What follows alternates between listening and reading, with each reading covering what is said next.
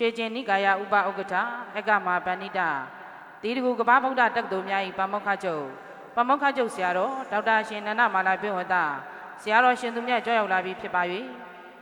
25ကြိမ်မြောက်ငွေတုဘိုးစိမ့်မဓမ္မသဘင်အားနမောတတ္တမဟာပဏာမ3ကြိမ်ယူဆိုကာဖြင့်အခမ်းအနားကိုဖွင့်လှစ်ကြပါကုန်စို့ရှင်နမောတတ္တဘေကဝတောအရဟတော သမ္မာသမ္ဗုဒ္ဓတ္တနမောတတ္တဘေကဝတောအရဟတောသမ္မာသမ္ဗုဒ္ဓတ္တနမောတတ္တဘေကဝတောအရဟတောသမ္မာသမ္ဗုဒ္ဓတ္တအစီအစဉ်ရပမောက္ခချုပ်ဆရာတော်ဘုရားကိုစားကပ္ပိယကာရကဖြစ်တီတကူဥမြင့်အောင်မှ အလူရရက်မှာလူဒန်းထားပါသောလူရှင်တို့အားအနုမောဒနာဂုံပြုလက်ဆောင်အားချင်းမြင့်ပေးပါယံတီတကူဥမြင့်အောင်အားလေးစားစွာဖြင့်ပန်ကြားပါတယ်ဥကျင်ဟုတ်ဒေါ်မြရွှေရရည်စု၍တာဥသိမ့်အောင်သမီးတော်ထေးကြီးတာဥကျင်အောင်မိသားစုမှအလူတော်ငွေလူဒန်းချင်းဖြင့်တီတကူဥမြင့်အောင်ထမဂုံပြုအနုမောဒနာလက်ဆောင်အားလက်ခံပေးရန်ဖြစ်ပါတယ် ဥခင်ညောဒေါက်တာဒေါခင်ဝင်းရွှေမိသားစုမှအနုမောဒနာဂုဏ်ပြုလက်ဆောင်လက်ခံပေးရန်ဖြစ်ပါတယ်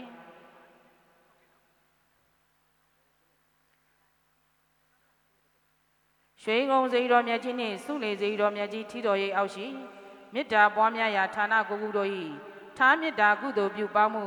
ပရဟိတပွဲမှာအနုမောဒနာဂုဏ်ပြုလက်ဆောင်ရယူရန်ဖြစ်ပါတယ်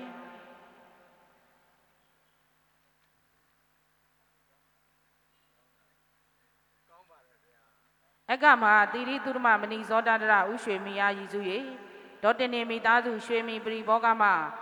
အနုမောနာဂုံပြုလက်ဆောင်လက်ခံရန်ဖြစ်ပါတယ်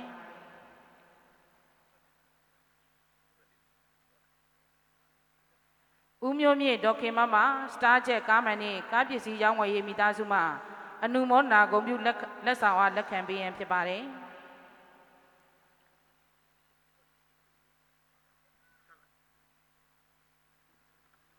ကွယ်လွန်သူဘအုပ်ထွန်းနှင့်အမိတော်ကင်ကျွဲ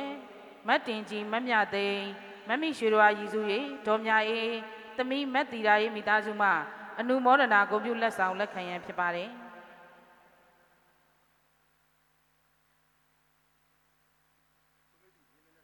ကွန်ပျူလက်ဆောင်လက်ခံပြီးတော့ကျမတို့နေရာရောက်မှသာဆရာတော်ဘုရားဥချပေးရန်ဖြစ်ပါတယ်။ကွယ်လွန်သူဖခင်ကြီးဦးတန်မိခင်ကြီးဒေါ်တောင်းတော်ရည်စု၍ ကျန်းသူမြင်းမြေတစုမှာဂုံပြုလက်ဆောင်လက်ခံပေးရန်ဖြစ်ပါတယ်ဒေါ်လာမြင့်နဲ့ဓမ္မမိတ်ဆွေများဂုံပြုလက်ဆောင်လက်ခံပေးရန်ဖြစ်ပါတယ်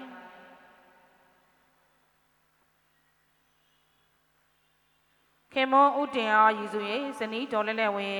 သမီးဒေါက်တာခင်နဲ့ခိုင်နှင်းမော်မက်ရီကြီးမိသားစုမှအနုမောနာဂုံပြုလက်ဆောင်လက်ခံပေးရန်ဖြစ်ပါတယ်။ တတမစာရီဝိဖွဲတာမွေကြီးခရက်ကွက်မှဂုံပြုလက်ဆောင်လက်ခံပေးရန်ဖြစ်ပါတယ်။တီးတကူဒေါ်ရင်ထွေးမိသားစုအာကာအိမ်ဆောက်ပစ္စည်းမိသားစုမှလည်းဂုံပြုလက်ဆောင်လက်ခံပေးရန်ဖြစ်ပါတယ်။ဒေါ်မြတ်ကြီးနဲ့သားသမီးများဒေါ်မြတ်ကြီးတန်းနဲ့သားသမီးများမှလည်းဂုံပြုလက်ဆောင်လက်ခံရန်ဖြစ်ပါတယ်။ဦးသိန်းနံဒေါ်ဝင်းသိန်းကြီးသားမောင်ဖြိုးမွန်သိန်းနံမိသားစုမှလည်းဂုံပြုလက်ဆောင်လက်ခံရန်ဖြစ်ပါတယ်။ဆ ရာထေးလွင်ရေတက်မိသားစုမှလည်းဂုံပြုလက်ဆောင်လက်ခံရန်ဖြစ်ပါတယ်ဆရာမကြီးဒေါခင်တန်းမော်နဲ့ဓမ္မမိတ်ဆွေများအားလည်းဖိတ်ခေါ်အပ်ပါတယ်ဦးချစ်စိန်ဒေါ်ရင်မြမိသားစုလျှက်စင်မီလူတော်အတွက်ဂုံပြုလက်ဆောင်လက်ခံရန်ဖိတ်ခေါ်အပ်ပါတယ်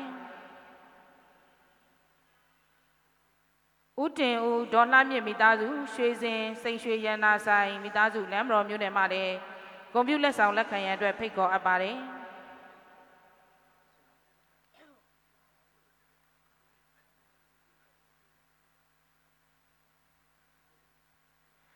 နိဗ္ဗာန်မက္ခကာရီဓမ္မယုံကြက်ကစံမလည်းကွန်ပျူလက်ဆောင်လက်ခံရန်အတွက်ဖိတ်ခေါ်အပ်ပါတယ်။ဥငွေစဉ်ဒေါခင်ရီမိသားစုအားဖိတ်ခေါ်အပ်ပါတယ်။ပြည်သူ့လွှတ်တော်ကိုယ်စားလှယ်ဦးထွန်းမြင့်ဒေါ်ဆန်းဆန်းဝေမိသားစုအားလည်းဖိတ်ခေါ်အပ်ပါတယ်။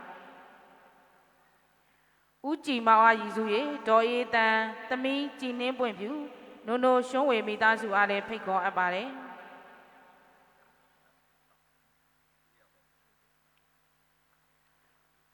ကိုရွှေသွေးမမေထူးစောမိသားစုအားလည်းဖိတ်ခေါ်အပ်ပါတယ်ကွယ်လွန်သူဦးတောင်းမြင့်ဇနီးဒေါ်ချောစုဝင်းရည်စု၍ဦးထွန်းမြင့်မိသားစုနီလာစေးတိုက်အားဖိတ်ခေါ်အပ်ပါတယ် ဦးတင်ဖေဒေါခင်ကြီးအားရည်စု၍ကိုမင်းမင်းစောမက်မေတကြံမိသားစုအားဖိတ်ခေါ်အပ်ပါတယ်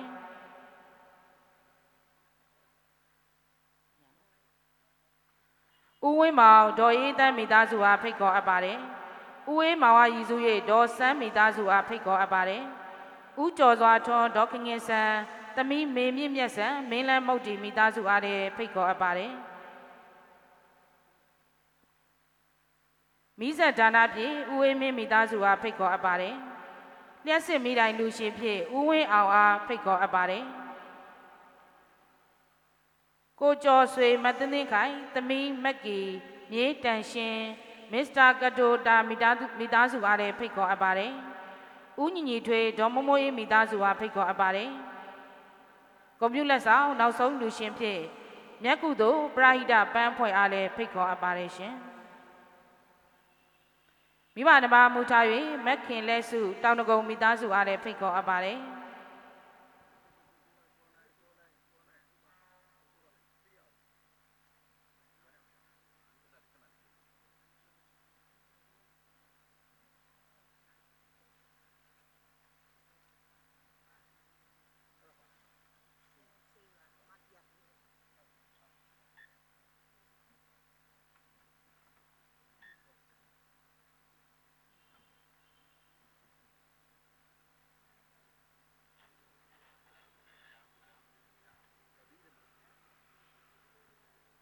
သာ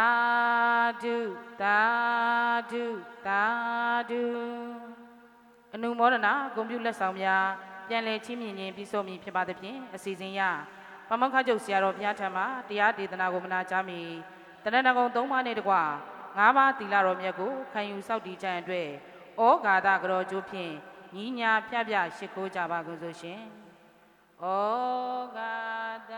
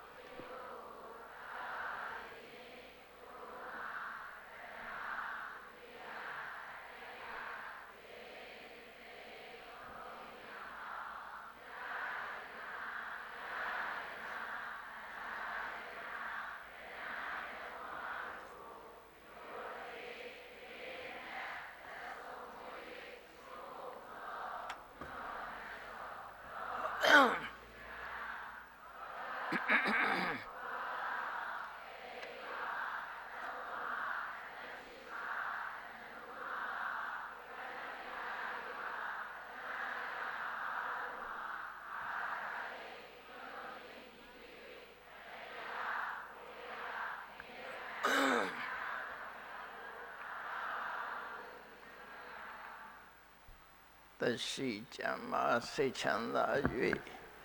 မ်းသာ၍လူရဆန္ဒပြေဝစေကြောင်းကောင်းမှုမင်္ဂလာဖြစ်ပါစေရန်အလိုငါဖရာမြတ်ဆုံးယေရနာတရားမြတ်ဆုံးယေရနာတန်ခါမြတ်ဆုံးယေရနာယေရနာမြတ်သုံးပါးတို့အား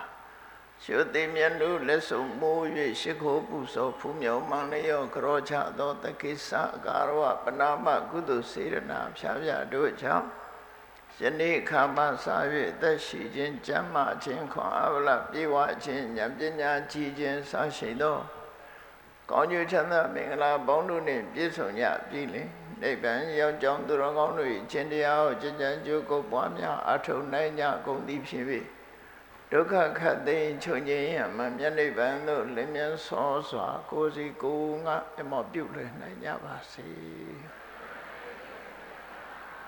အဟံဗန္တိတိတရဏိနသဟာပိစသီလံဓမ္မယာသာမိအနုဂဟံကတဝါသီလံဒိဋ္ဌမနိဗ္ဗန္တိဒုတိယံပိအံဗန္တိဣတရဏေနသဟ ပိသတိလံအမံယသာမိအနုဂဟံကတဝါသီလံဒေထပိပန္တိ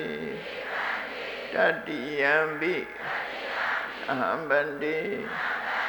တိတရဏေနသဟပိသတိလံအမံယသာမိ အနုဂံကတဝါသီလံဒီထပိပန္တိယမဟဝဒာမိတံဝတိထနမောတတဗကဝတောအရဟတောသမ္မာသမ္ဗုဒ္ဓတ္တ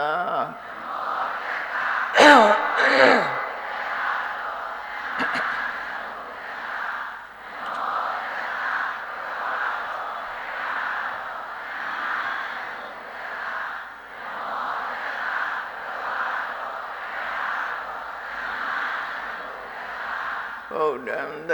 ရဏံကိသာမိဓမ္မံတရဏံကိသာမိသံဃံ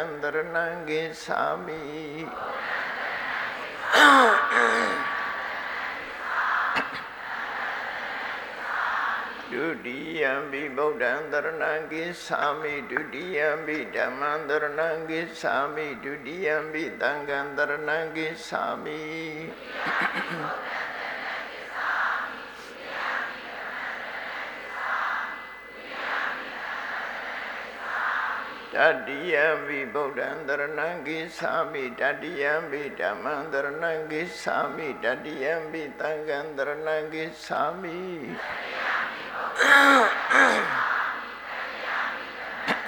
မံတရဏံကိသာမိတတိယံပိသံဃံတရဏံကိသာမိတရဏကမနံပရိပုံဏံ အာနာတိပါဒဝေရမဏိသိက္ခာပရံသမာဓိယာမိအာဒိနာဒါနာဝေရမဏိသိက္ခာပရံသမာဓိယာမိ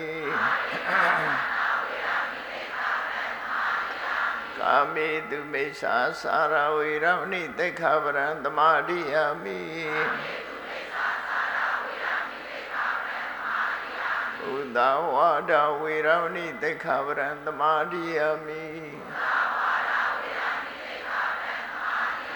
သူရာမေရယမစ္ဆပမာဒဌာနဝေရမဏိသိက္ခာပရံသမာဓိယာမိ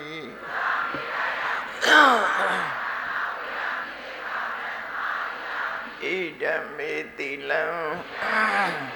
နိဗ္ဗာနတ္တပစ္စယော ဟောတုတိတရဏိ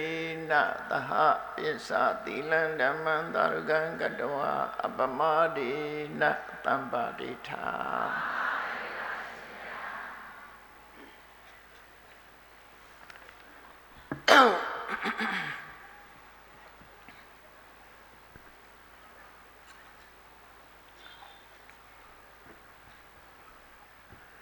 သာသနာတော်နှစ်2563နှစ်ကောဇာတက္ကရာ1380ခုနှစ်တဘူရလပိကျော်တရက်2020ပြည့်နှစ်ဖေဖော်ဝါရီလ9ရက်တနင်္ဂနွေနေ့ရန်ကုန်တိုင်းဒေသကြီးဗဟန်းမြို့နယ်ပူစိမ္မန်အကစားကွင်းဓမ္မမန္တအတွင်ပူစိမ္မန်တိရကုထောက်ကူပြုဖွဲ့ကဥစည်းကျင်းပအပ်သော ဘုဇိမံဖွဲ့ဤ25ချိန်မြောက်ငွေထုသာသနာပူဇာမြတ်မင်္ဂလာတရားအလှတော်အထုဓမ္မသဖြင့်အခန္ဓာ၌ဟောကြားအပ်သောစိတ်ဆွဲလန်းမှုကို အောင်းနိုင်သူ အကြောင်းတရားဒေသနာတော်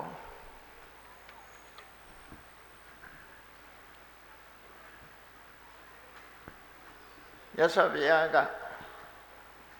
ဘုရားဗဒဝင်သူတော်စင်တွေကို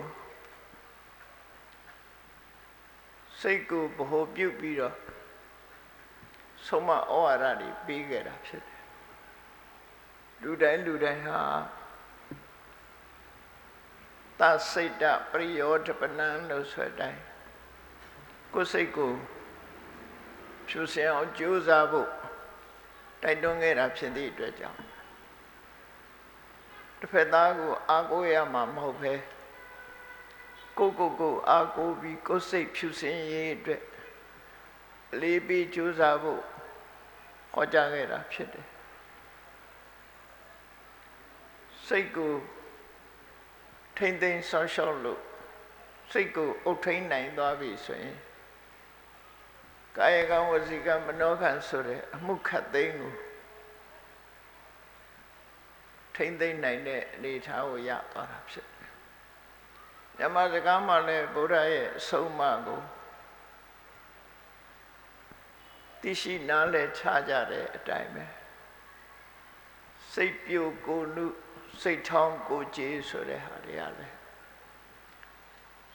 စိတ်ကိုဗဟုပြုပြီးတော့ပြောကြတာပဲဖြစ်တယ်ရသော်ပြဟောတဲ့ဒေသနာတော်တွေထဲမှာ စိတ်တေနနိယတေလောကောလောကကြီးကိုစိတ်ကဥဆောင်နေတယ်ဆိုတာဘာကြောင့်လဲဆိုရင်အခုလိုတရားဝဲကြီးကျင့်ပါမယ်ဆိုတာလေစိတ်ကူးကနေပြီးတော့စတင်ဖြစ်ပေါ်တာပဲဖြစ်တယ်တရားနာသွားဦးမယ်ဆိုတာလေစိတ်ကူးကနေစတင်ဖြစ်ပေါ်အဲ့တော့ရရဟာမနောပုပ္ပင်ကမဓမ္မလို့ဆိုတဲ့အတိုင်း တဘာဝတရားအလုံးလို့လို့စိတ်ကနေဥဆောင်နေတဲ့အနေအထားမျိုးရှိတယ်ဆိုတာဘုရားဗဒဝင်သူတော်စင်များအလုံးတတိပြုမိတာဖြစ်တယ်အဲ့ဒီတော့အရေးကြီးဆုံးကဘာလဲဆိုရင်ကိုယ်စိတ်ကိုဖြူစင်အောင်ထားနိုင်မှုဟာအရေးကြီးဆုံးပဲ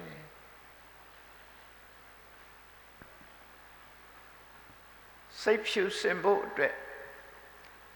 အဘိဓမ္မာမြတ်ဒေသနာမှာလည်းပဲ စိတ်ရဲ့အညစ်အကြေးများနဲ့ထိုအညစ်အကြေးများကိုတန့်စင်ဆေးကြောနိုင်တဲ့စိတ်ဖြူစင်ကြောင်းတရားတွေကိုဟောကြားဆုံးမခဲ့တာဖြစ်တယ်လူတွေရဲ့ယင်ထဲမှာတဘာဝတရားနှမျိုးရှိတယ်အညစ်အကြေးနဲ့ထိုအညစ်အကြေးကိုတန့်စင်အောင်ဆေးကြောနိုင်တဲ့ တဘာဝတရားစိတ်ရဲ့အညစ်အကြေးဆိုတာတဘာဝတရားတစ်ခုထိုအညစ်အကြေးကိုတန့်စင်ဆေးကြောနိုင်တဲ့တရားဆိုတာတဘာဝတရားတစ်ခုအဲ့ဒီတဘာဝတရားနှစ်ခုဘုရားဘာသာဝင်သူတော်စင်တို့အနေနဲ့စိတ်ရဲ့အညစ်အကြေးတွေကိုသိရှိနားလည်ပြီး ထိုစိတ်ရဲ့အညစ်အကြေးတွေကိုဗာနဲ့ဆေးကြောရမယ်ဆိုတဲ့နိလန်းကိုမြတ်ဗုဒ္ဓဓမ္မရရှိထားပြီးသားဖြစ်ကြတယ်။ယန္နာဖြစ်သွားတယ်ဆိုတာစိတ်ရဲ့အညစ်အကြေးတွေကုံအောင်ဆေးကြောနိုင်လို့ယန္နာဖြစ်တယ်လို့ခေါ်တယ်။ဒိဋ္ဌိနဲ့ဝိသိကိစ္စလို့ခေါ်တဲ့အမှန်မမြင်ခြင်း အကျင့်နဲ့ပတ်သက်ပြီးတန်တရားပွားခြင်းဆိုတဲ့ဒီတဘာဝတရားနှစ်ခုကိုစေကြောလိုက်နိုင်တဲ့ပုဂ္ဂိုလ်ကိုသောတာပန်လို့ခေါ်တာကာမဂုဏ်အာယုန်စိတ်တွေကိုမုံဒီစိတ်တွေကိုရှော့ချနိုင်တဲ့ပုဂ္ဂိုလ်ကိုတဂရကံလို့ခေါ်တယ်ကာမဂုဏ်အာယုန်စိတ်တွေကိုလုံးဝဖယ်ရှား မုံနေတဲ့စိတ်ကိုလုံးဝဖယ်ရှားနိုင်တဲ့အနေအထားရှိတဲ့ပုဂ္ဂိုလ်မျိုးကိုနာဂတနာကံလို့ခေါ်ပြီးစိတ်ရဲ့အညစ်အကြေးမှန်သမျှစေကြောတန့်စင်ရမှာပြည့်ပြည့်စုံသွားတဲ့ပုဂ္ဂိုလ်ကိုယဟန္တာလို့ခေါ်တာဒါကြောင့်မို့မိမိတို့ရဲ့စိတ်ရဲ့ဖြူစင်မှုမဖြူစင်မှုဆိုတာတွေကို အလေးနဲ့ထားပြီးတော့ဆင်ញင်သင်သားခြင်းဖြင့်မြတ်ဗုဒ္ဓလမ်းပြတော်မူခဲ့တဲ့အတိုင်းနိဗ္ဗာန်ခရီးရောက်အောင်ရှောက်လန်းကြရမှာဖြစ်တယ်ဘုရားဗဒဝိနည်းအနေနဲ့နောက်ဆုံးနိဗ္ဗာန်လမ်းကြောင်းကိုရှောက်ပြီးဆိုတဲ့အခါစိတ်ဖြစ်စေမှုအခြေခံနေပြီးတော့ကာယကံဖြူစင်မှုဝ စီကံဖြူစင်မှုဆိုတာကစပြီးနောက်ဆုံးစိတ်ဖြူစင်မှုဆိုတဲ့အနေအထားမျိုးရအောင်မိမိတို့ကိုယ်တိုင်လေ့ကျင့်ပြီးတော့ယူရမှာဖြစ်တယ်လူတဘာဝကိုလေးလာကြည့်လို့ရှိရင်စိတ်ဆွလန်းမှုဆိုတာတွေဟာစိတ်ကိုညှဉ်းနှွမ်းသွားစေတဲ့အနေအထားမျိုးကိုရောက်စေတာပဲဖြစ်တယ် အဲ့ဒီစိတ်ဆွလန်းမှုတွေကို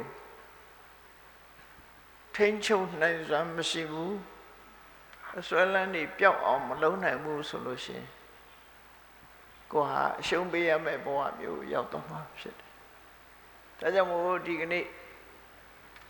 စာတကတိတနာမှာလာတဲ့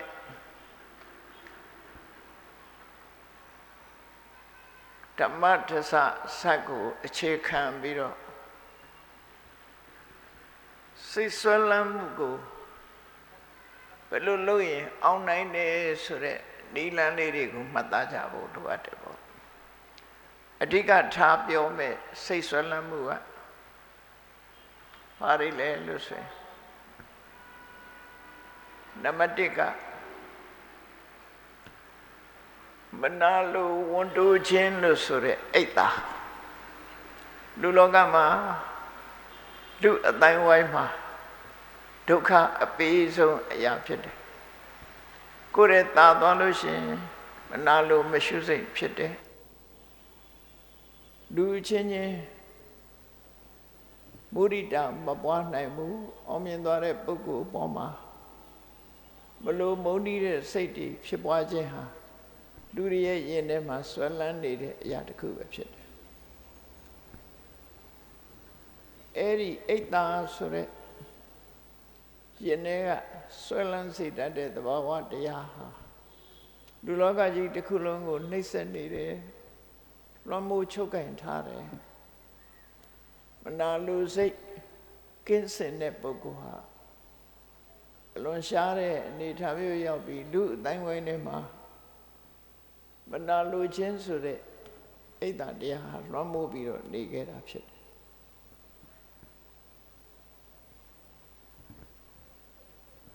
နောက်ဒုတိယလွှမ်းမိုးနေတာဘာလို့ဆို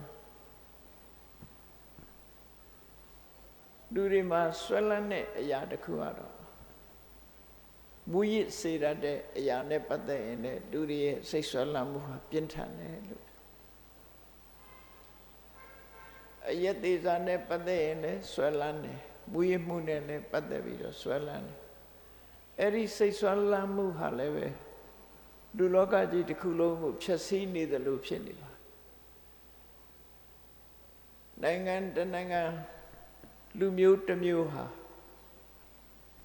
မွေးရစေရတဲ့အရာကဖြတ်စီလိုက်လို့ရှင်ဘဝမှာအောက်တန်းနောက်တန်းကျသွားတဲ့အနေအထားမျိုးထိအောင်ရောက်လို့ထိုမွေးရမှုကိုကြီးကျယ်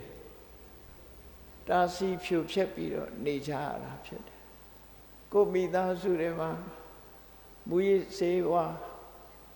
အယက်သေးစားတောက်စားဆွဲလန်းနေတဲ့သာသမီရှိလို့ရှင်မိသားစုတွေစိတ်ညစ်ကြမကောင်းတဲ့အခြေအနေတွေနဲ့တွေ့ရတယ်အဲ့ဒီစိတ်ဆွဲလန်းမှုကလည်းပဲမူရစေဝါဆွဲတဲ့စိတ်ဆွမ်းမှုကိုလည်းပဲအောင်နိုင်ဖို့ရအလွန်ခဲရင်တဲ့အရာတစ်ခုဖြစ်တယ်ပေါ့ မူရမှုကိုအကြောင်းပြုပြီးတော့ဖြစ်ပေါ်လာတဲ့ပြဿနာတွေကလည်းအလွန်ပဲကြီးမားတယ်နိုင်ငံတိုင်းနိုင်ငံတွေလို့ဝိစေဝနဲ့ပတ်သက်ပြီးထိမ့်ချုပ်နိုင်စွာမရှိသည့်အတွက်ကြောင့်အကြီးအကျယ်ပြဿနာတက်ပြီးတော့နေချတာခဏခေတ်မှာထင်ရှားတယ်ပေါ့နော်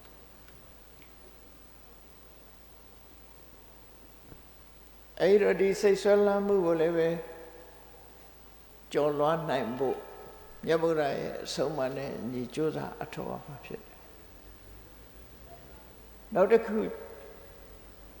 ဆွဲလန်းမှုလူတိုင်းလူတိုင်းမှာမတော်လှန်နိုင်တဲ့ဆွဲလန်းမှုကဘာလို့ဆိုချစ်ခင်ခြင်းနဲ့မုန်းတီးခြင်းပဲဖြစ်တယ်ချစ်ချင်းမုန်းခြင်းဆိုတာလည်းပဲလူရဲ့ယင်ထဲမှာဆွဲနေတဲ့အရာဖြစ်တယ်အဲ့ဒီချစ်ချင်းမုန်းခြင်းဆိုတာကို မတော်လှန်နိုင်ဘူးဒီအစွဲလန်းကိုမဖြောက်နိုင်ဘူးဆိုရင်ဘဝမှာကြာဆုံးမှုနဲ့ကြုံတွေ့နိုင်တယ်ဒီကနေ့ခေတ်အဂတိလိုက်စားရဲဆိုတာချစ်ချင်းကြောင့်တစ်မျိုးမုံညင်းကြောင့်တစ်ဖုံးလူလောကမှာမမျှတမှုတွေဖြစ်ခြင်းဟာချစ်ချင်းမုံညင်းကိုအခြေခံတာပဲဖြစ်တယ်အဲ့တော့လူလောကကြီးကိုနှိပ်စက်နေတဲ့ စိတ်ဆွဲလန်းမှုလေးမျိုးလို့ပြောရမှာဖြစ်တယ်ဒါကဒီစာရကဒေသနာအရာပြောတယ်တခြားဟာတွေလည်းစိတ်ဆွဲလန်းမှုတွေရှိနိုင်သေးတယ်နံပါတ်1ကအိတ်တာမနာလိုစိတ်အဲ့ဒီမနာလိုစိတ်ကလည်းဖြည့်ပြောက်ဖို့အလွန်ခဲနေပေါ့လူလောကကြီးကိုအကျိုးမပြုတဲ့ မနာလိုစိတ်အယက်သေးစာဆွဲလန်းတဲ့စိတ်ချစ်ခင်ဆွဲလန်းတဲ့စိတ်မုန်းဒီဆွဲလန်းတဲ့စိတ်ဆိုဟောဒီလေးမျိုးဟာပြင်းထန်တဲ့အစွဲလေးမျိုးစိတ်ဆွဲလေးမျိုးလို့ခေါ်တယ်အဲ့ဒီစိတ်ဆွဲမှုလေးရိုက်ဟာ ဘလောက်ဒုက္ခပေးတယ်လဲဆိုတာကိုသရကတိတနာမှာဟောထားတဲ့အတိုင်းဟောပြောမှာဖြစ်တယ်သို့သောမိမိတို့ဘဝမှာလက်တွေ့ကြကြကျင့်သုံးနိုင်ဖို့ကိုယ်ပိုင်အတွေ့အကြုံလေးတွေကိုလည်းပဲဒီထဲမှာထည့်သွင်းပြီး ဒီစိတ်ဆွဲလန်းမှုတွေဘလောက်ဒုက္ခပေးတယ်ဆိုတာချက်ထွင်ပြီးတော့သိနိုင်မှာပဲဖြစ်တယ်ပေါ့နော်အဲ့ဒီစိတ်ဆွဲလန်းမှုတွေကိုတမန်အားဖြင့်မှန်ကန်တဲ့အတွေးနဲ့ပယ်ဖြောင်းနိုင်တော့လေအမြင့်ပါပြုတ်အောင်ပယ်ဖြောက်ဖို့ကြတော့မြတ်ဗုဒ္ဓဟောကြားတဲ့ဝိပဿနာကျင့်စဉ်ကိုကျင့်ရမှာဖြစ်တယ် ဝိပဿနာကျင့်စဉ်ကိုကျင့်လို့အမှန်တရားကိုသိမြင်တဲ့အခါမှာထိုစိတ်ဆွဲလန်းမှုတွေရဲ့အရင်အမြစ်ဖြစ်တဲ့အခြေခံဝိမြင့်နှစ်ခုလို့ခေါ်တယ်အဝိဇ္ဇာနဲ့တဏှာဒီနှမျိုးဟာလုံးဝ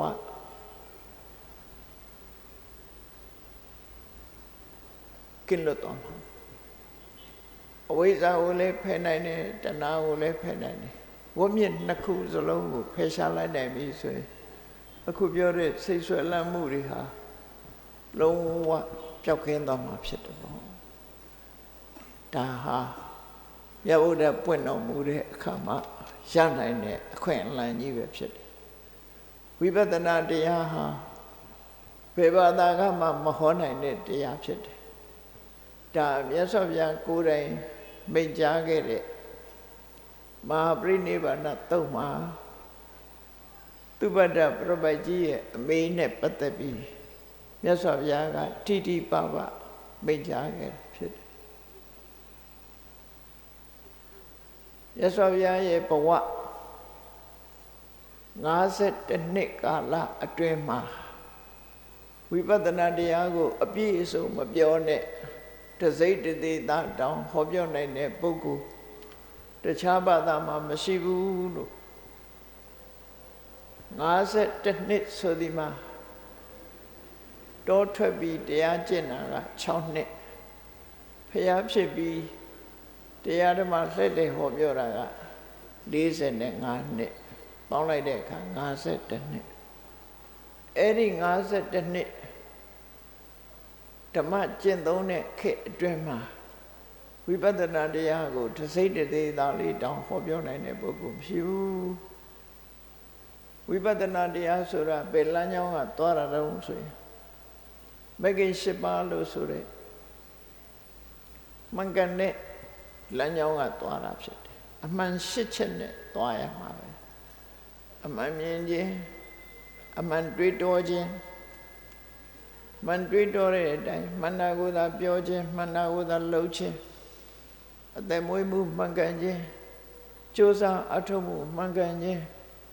အာယုစူးစိုက်မှုမှန်ကန်ခြင်းနဲ့စိတ်တည်ငြိမ်မှုမှန်ကန်ခြင်းလို့ဆိုတဲ့အမှန်အကန်ရှစ်ချက်နဲ့ဝိပဿနာလမ်းစဉ်ကိုချမှတ်ပြီးထိုဝိပဿနာလမ်းကြောင်းကနေသွားတဲ့အခါမှာ ပြီးပြီးစုံတဲ့အမှန်ရှစ်ချက်သည်တစ်ချက်တည်းကဲ့သို့ဖြစ်သွားပြီးမက္ခဆိုတဲ့နာမည်နဲ့စိတ်ဆွလန်းမှုတွေအားလုံးကိုဖယ်ရှားပြစ်နိုင်တာပဲဖြစ်တယ်အေးဒါကြောင့်ဒီစိတ်ဆွဲလန်းမှုတွေဟာလူလောကမှာဘလောက်ဒုက္ခပေးတယ်လဲဆိုတာလေးကို950မှာပါရှိတဲ့အတိုင်းမတန်နိုင်ယူချဖို့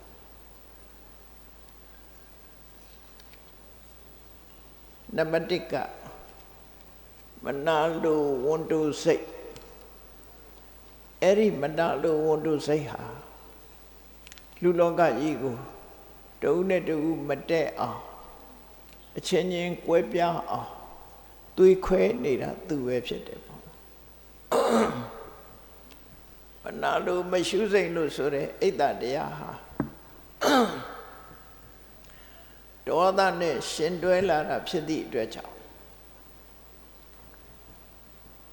မုန်ဒီမှုတွေ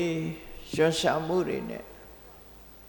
လောကကြီးကိုပျက်စီးအောင်လုပ်တဲ့ထဲမှာကြီးမားတဲ့လက်တဲ့တရားခံပဲဖြစ်တယ်အဲ့ဒီမှာ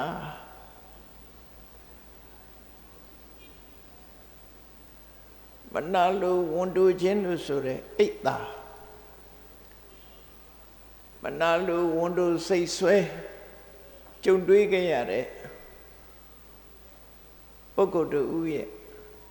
ဘဝဆက်လန်းကိုပြန်ပြီးတော့ပြောထားတာသူကပါတော့ဆိုမနာလိုဝန်တိုမှုဖြစ်เสียရည်အကြောင်းမျိုးစုံရှိတဲ့ထဲမှာဒီနေရာမှာအဖြစ်များတဲ့သူ့ဘဝအတွေ့အကြုံကိုပြောမှာဖြစ်တယ်အဋ္ဌိယကာရဏရာဇပဏပိသိပရောဟိတ သောမံအဋ္ဌိနိဝေဒေတိတတမဟာအနုတ္တုယကောဘဝအတွေ့အကြုံတစ်ခုအနေနဲ့သူကပြောတာ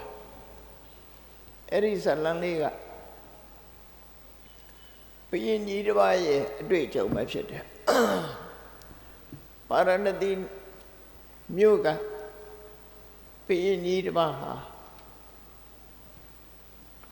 ချွန်ပေါ်လှပတဲ့အကမေဟတိဒေဝီမိဖုရားကိုမြောက်စားပြီးမောမမိတ်တန်ထောင်ချီရှိတဲ့ထဲကထိုမိဖုရားကြီးကိုဥစားပေးခဲ့တယ်မိဖုရားကြီးကဘုရင်ကြီးကိုအခွင့်အရေးတစ်ခုတောင်းတယ်ဘုရင်ကြီးကအဆုပေးတဲ့အခါမှာသူကအခွင့်အရေးတစ်ခုတောင်းတယ်ဘာတောင်းလို့ဆိုရင် သူမှတ်တော့ဘယ်အမျိုးသမီးနဲ့မှမပတ်သက်ရဘူးဆိုဆိုတောင်းတယ်နော်ဘုရင်ကြီးကအစပထမတော့ညင်းတယ်ပြောပါများတဲ့အခါကျတော့သူ့ရဲ့စိတ်ဓာတ်ပြောကြမှုနဲ့လိုက်လျောလိုက်တယ်ပေါ့အဲ့ဒီလိုက်လျောလိုက်တဲ့မိဖုရားကြီးဟာသူ့ပေါ်သစ္စာရှိလားဆိုတော့ကြည့်ဒီမိဖုရားကြီးပေါ်မှာသူဟာ မနာလို့ဝန်တို့စိတ်တွေအများကြီးဖြစ်ခဲ့တယ်ဖြစ်ပြပုံဇာလံကတော့ဘာတော့ဆိုတိုင်းပြည်မှာစီရေးကိစ္စရှိလို့ဘုရင်ကြီးကစစ်ထွက်မယ်စစ်ထွက်တဲ့အခါမှာမိဖုရားကြီးကသူ့ဘာအတူလိုက်ဖို့တောင်းဆိုတယ်သို့တော့ဘုရင်ကြီးကစီရေးစရာဆိုတာ အသက်ကိုအနံ့ပြီးတော့ရင်ကိုမြေကရုံးလုပ်ပြီးသွားရတဲ့ကိစ္စမျိုးဆိုမျိုးသမီးတွေမလိုက်သင့်ဘူးဒါကြောင့်ဘုရင်ကြီးကမလိုက်ဖို့နားချနားချတဲ့အခါမိဖုရားကြီးကဘာတောင်းဆိုပြန်လို့ဆိုဒီလိုဆိုရင်နေ့စဉ်နေ့စဉ်သူ့ရဲ့သူနဲ့ဆက်သွယ်မပြတ်ဖို့ ခုခေတ်ဆိုရင်တော့တယ်လီဖုန်းဆက်လို့ရတာပေါ့အဲ့ဒီခေတ်ကတော့တမန်လွှတ်ရမှာဖြစ်တယ်လူတယောက်စိတ်လွှတ်ရမှာဖြစ်တယ်တရင်စကားပြောဖို့ရအတွက်ဘယ်စခန်းရောက်ပြီးဘာတွေလုပ်တယ်ဒုက္ခဒုက္ခအောင်မြင်မှုဆုံးရှုံးမှုဆိုတာဒီရှေ့တန်းထွက်တဲ့အခါမှာဒီသတင်းကိုသူနေတိုင်းရခြင်းနဲ့ဆိုဘီရင်ကြီးကစခန်းတစ်ထောက်ရောက်တိုင်းရောက်တိုင်းလူတယောက်လွတ်တယ် မိဖုရားကြီးစီလွတ်ရတယ်အသွားမှာ36စခန်း36ယောက်ကိုလွတ်လိုက်တယ်ထို့တူပဲအပြန်မှလည်းပဲ32စခန်း32အပြန်မှာလဲ32ယောက်ကိုလွတ်တယ်အသွားမှာလဲ32ယောက်ကိုလွတ်တယ်အလုံး64ယောက် မိဖုရားရှိရှိတမန်လွှတ်ရတည်င်းပြောဖို့အတွက်တမန်လွှတ်ရနောက်ဆုံးဘုရင်ကြီးကအောင်မွေးရလို့တိုင်းတော်ပြည်တော်ပြန်လာတဲ့အခါမှာအာကိုယုံကြည်ရတဲ့ပရောဟိတ်ကြီးကိုဘုရင်ဆိုတာအခမ်းအနားနဲ့အောင်မွေးရလာတဲ့အခါမှာ မြို့ကိုအခမ်းအနားနဲ့ဝင်ရမှဖြစ်သည့်အတွက်ကြောင့်ပြင်ပမှာခန့်ဒီတိခက်တဲနန်းလို့ခေါ်တဲ့ယာယီဆန္နန်းဆောက်ပြီးတော့ခန့်ချမိဖုရားရှိစီသတင်းပို့ဖို့အဲ့ဒီချိန်မှာပရောဟိတ်ပုံနာရုပ်ရည်ဆင်းကအလွန်လှပတဲ့ရောဟိတ်ပုံနာကြီးမိဖုရားရှိစီသတင်းပို့ဖို့စီမံလုပ်ဖို့ လွတ်လိုက်တယ်ပြောရမယ်ဆိုရင်အဲ့ဒီပရောဟိတ်ပုံနာကြီးနဲ့ပတ်သက်ပြီးအလုံးမိဖုရားကြီးရဲ့အကျင့်စာရိတ္တတွေအကုန်ပေါ်လွန်သွားတယ်ပရောဟိတ်ပုံနာကြီးရောက်တဲ့အခါကျတော့မိဖုရားကြီးကပရောဟိတ်ပုံနာကိုကြည့်ပြီးတော့သူနဲ့ပျော်ပါဖို့တောင်းဆိုတယ်ပရောဟိတ်ပုံနာက ဒီကိစ္စမျိုးသူဘယ်တော့မှမလုပ်ဘူးသူသိခါသူထိန်းတယ်မလုပ်ပြရစေနဲ့တဏ္ဍန်တောင်းမှမရတဲ့အခါမှာနောက်ဆုံးမိဖုရားကြီးကအကောက်ကြံပရောဟိတ်ပုံနာကိုတေချောင်းကြံတယ်တေချောင်းကြံပြီးဘုရင်ကြီးရောက်လာတဲ့အခါမှာတဏ္ဍဥတင်တယ်ပေါ့ပရောဟိတ်ပုံနာကသူ့ကိုစော်ကားပါတယ်ဆိုတဲ့လီဆယ်ပြီးတိုင်တန်းမှုလုပ်တယ်အဲ့ဒီမှာ ဒီချိန်မှာဘုရင်ကြီးရဲ့ဝန်တိုစိတ်တွေဟာပြင်းထန်ချက်ချင်းပေါက်ကွဲလာအဲ့ဒီဝန်တိုစိတ်ဆိုတာအဲ့ဒါနော်သူမိဖုရားကြီးကိုစော်ကားတယ်လို့လည်းသိလိုက်ရောဘုရင်ကြီးရဲ့ဝန်တိုစိတ်ဟာအလုံးကိုပြင်းထန်ချက်ချင်းပရောဟိတ်ပုံနာကိုဖမ်းဖို့အမိန့်ပေးတယ်ဖမ်းပြီးတော့သေတံချမှတ်လိုက်တယ် သို့သောပရောဟိတ်ပုံနာကြီးကအသိပညာထက်မြက်တဲ့ပုဂ္ဂိုလ်ဖြစ်တော့ဖန်စီပြီးတတ်မဲ့မင်းမှုတန်းတွေကိုအကျိုးအကြောင်းပြောပြတယ်ဘုရင်ကြီးနဲ့ပတ်သက်တဲ့ကိစ္စတွေငါစီမံနေတာဖြစ်တော့ဘုရင်ကြီးထားတဲ့ပစ္စည်းဥစ္စာတွေမြုပ်နှံထားတဲ့ငွေကြေးဒနာတွေ အဲ့ဒါတွေကိုငါဘုရင်ကြီးကိုပြောခဲ့မှဖြစ်မယ်ငါသိတာအရေးမကြီးဘူးငါမပြောခဲ့လို့ရှိရင်တိုင်းပြည်အတွက်ဆုံးရှုံးနေမယ်အဲ့ဒါကြောင့်ဘုရင်ကြီးနဲ့ငါ့ကိုတွေ့ခွင့်ပေးပေးပြီးတော့မှငါ့ကိုဘုရင်အမိန့်တိုင်းတတ်ဖို့ဆိုတော့အဲ့ဒါကိုလက်ခံပြီးဘုရင်ကြီးစီရရောက်သွားတဲ့အခါဘုရင်ကြီးကပရောဟိတ်ပုံနာကြီးလည်းမြင်လိုက်ရောဘာကြောင့် ဒီလိုရုံမာတဲ့အလုပ်တွေလုပ်ရတာလဲလို့မေးတဲ့အခါမှာအဲ့ဒီမှာပရောဟိတ်ပုံနာဘုရင်ကြီးကိုလျှောက်ထားတယ်ကျွန်တော်မျိုးဟာတုတ္တိယလို့ခေါ်တဲ့ပုံနာမျိုးကလာတဲ့ပုဂ္ဂိုလ်ပါသူများအသက်တတ်ခြင်းကလည်းရှောင်ကျင်ပါတယ်သူများဥစ္စာမတရားယူခြင်းကလည်းရှောင်ကျင်ပါတယ် သူတော်ဘာတမယပြစ်မှားခြင်းကလည်းလုံးဝရှောင်ကျင်တယ်လိမ်ပြောတယ်ဆိုတာလည်းဘယ်အခါမှမလုပ်ဘူးအယက်သေးစာတောက်စားခြင်းလည်းပဲခင်းတယ်ဘယ်သောခါမှမဟုတ်တဲ့အလုပ်ကိုသူမလုပ်တာမှန်ပါတယ်တကယ်လုပ်တာကတော့သင်မင်းကြီးကနေပြီးတော့အသွားပြန်လွတ်လိုက်တဲ့ 60နဲ့4ယောက်သောတမန်တော်တွေနဲ့ဟောရိမိဗျာကြီးကဖောက်ပြန်ခဲ့တာဒါသာလင်းဖြစ်ပါတယ်မယုံလို့ရှိရင်ဆင့်ခေါ်ပြီးတော့စစ်မေးပါဟောအဲ့ဒီဆင့်ခေါ်ပြီးစစ်မေးတဲ့အခါမှာဒီအမှုကပေါ်သွားတယ်ဟောဒီအမှုပေါ်သွားတယ်အဲ့လိုပေါ်တဲ့အခါမှာဒီပရောဟိတ်ပုံနာကြီးကဘုရင်ကြီးကိုနာချတယ်ရှင်မင်းကြီး ဘယ်သူကမှပြစ်မတင်ပါနဲ့ဒီလိုပဲလောကမှာဖြစ်တတ်တဲ့ကိစ္စတွေအများကြီးဖြစ်ပါတယ်သူ့ကိုအပြစ်မတင်သလို64ရောက်သောတမန်တော်တွေကိုလည်းအပြစ်မတင်ပါနဲ့နောက်ဆုံးမှာမိဖုရားရှိကိုလည်းပဲအပြစ်မတင်ပါနဲ့လောကသဘာဝမှာဖြစ်တတ်တဲ့ စိတ်ဆွမ်းလန်းမှုတွေကြောင့်ဖြစ်တဲ့အရာတွေသာဖြစ်ပါတယ်ဆိုပြီးဘုရင်ကြီးကိုနားချတော့ဘုရင်ကြီးကလက်ခံသွားတယ်လက်ခံသွားပြီးတော့သူဟာငါအခုလို့ပရောဟိတ်ပုံနာကြီးကိုတတ်ဖို့ကြိုးစားတယ်64ရောက်သောလူတွေကိုတတ်ဖို့ကြိုးစားတယ်မိဖုရားကြီးကိုလည်းတတ်ပစ်ဖို့ကြိုးစားတယ်အခုလို့ ပြစ်မှုတွေကိုစီရင်ဖို့စိတ်လိုက်မှန်လိုက်ငါဟာစီမံဆုံးဖြတ်ခဲ့တာအဓိကကတော့မိဖုရားကြီးပေါ်မှာဝန်တိုခြင်းကြောင့်ဖြစ်တယ်ဆိုတာသူကသူစဉ်းစားမိလားဝန်တိုစိတ်ဟာဘလောက်ဆိုးတယ်နော်ဒီကနေ့ခေတ်မှာလည်းလူတိုင်းလူတိုင်းဝန်တိုတယ်ဆိုတာတူတယောက်ချီးပွားရင်လည်းမနာလို့ဝန်တိုစိတ်ဖြစ်တတ်တယ် ကိုယ်ရဲ့တာသွားရင်လည်းမနာလို့ဝန်တိုစိတ်ဖြစ်တယ်ရှင်ပြိုင်သူအချင်းချင်းမှလည်းပဲအနိုင်ရသူကိုရှုံးသူကဝန်တိုစိတ်ဖြစ်တတ်တယ်ဝန်တိုစိတ်တွေဟာလူအတိုင်းဝိုင်းတစ်ခုလုံးကိုလွှမ်းမိုးထားသလို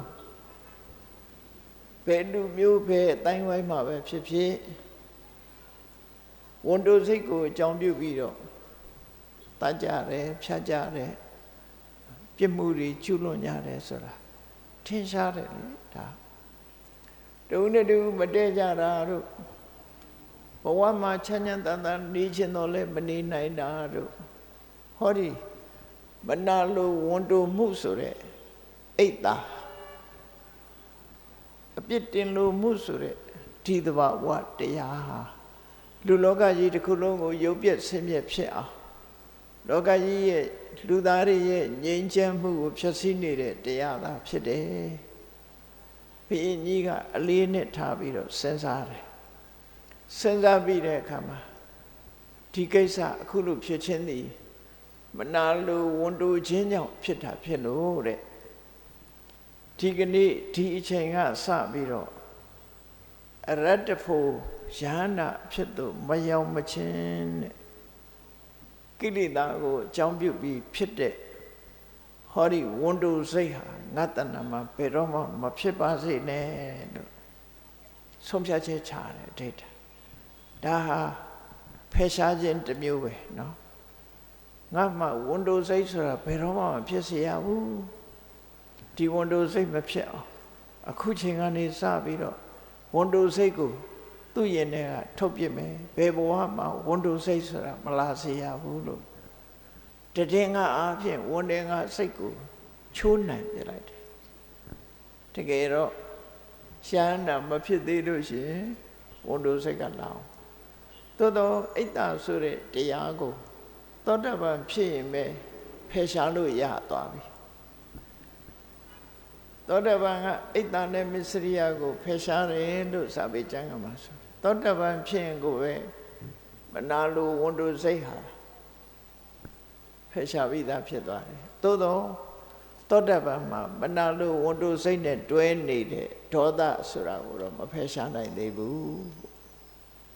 အဲ့ဒီမနာလိုဝန်တိုစိတ်ဟာလူတွေရဲ့အတိုင်းဝိုင်းကိုဖြစ်စည်းနေတဲ့လွှမ်းမိုးချုပ်ကင်နေတဲ့တရားစိုး